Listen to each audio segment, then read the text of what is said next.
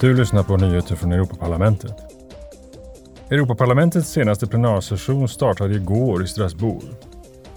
Imorgon, i en debatt med ordförandena Ursula von der Leyen och Charles Michel, ska ledamöterna föra fram sina krav och förväntningar inför nästa EU-toppmöte som kommer att fokusera på Rysslands krig mot Ukraina, konkurrenskraft och den inre marknaden. På toppmötesagendan står också hur man bäst kan få fart på EUs ekonomi samt energifrågor.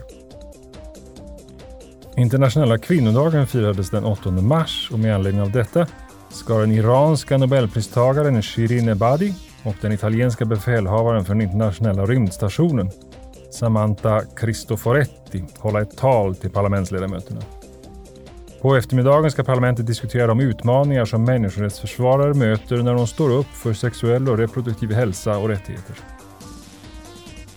Imorgon ska också ledamöterna bedöma hur det ligger till med solidariteten och det delade ansvaret i Europa när det gäller migration och asylpolitik. Plenardebatten med det svenska ordförandeskapet och kommissionen kommer främst att gälla hur man går framåt med reformen av de gemensamma EU-reglerna i det ämnet.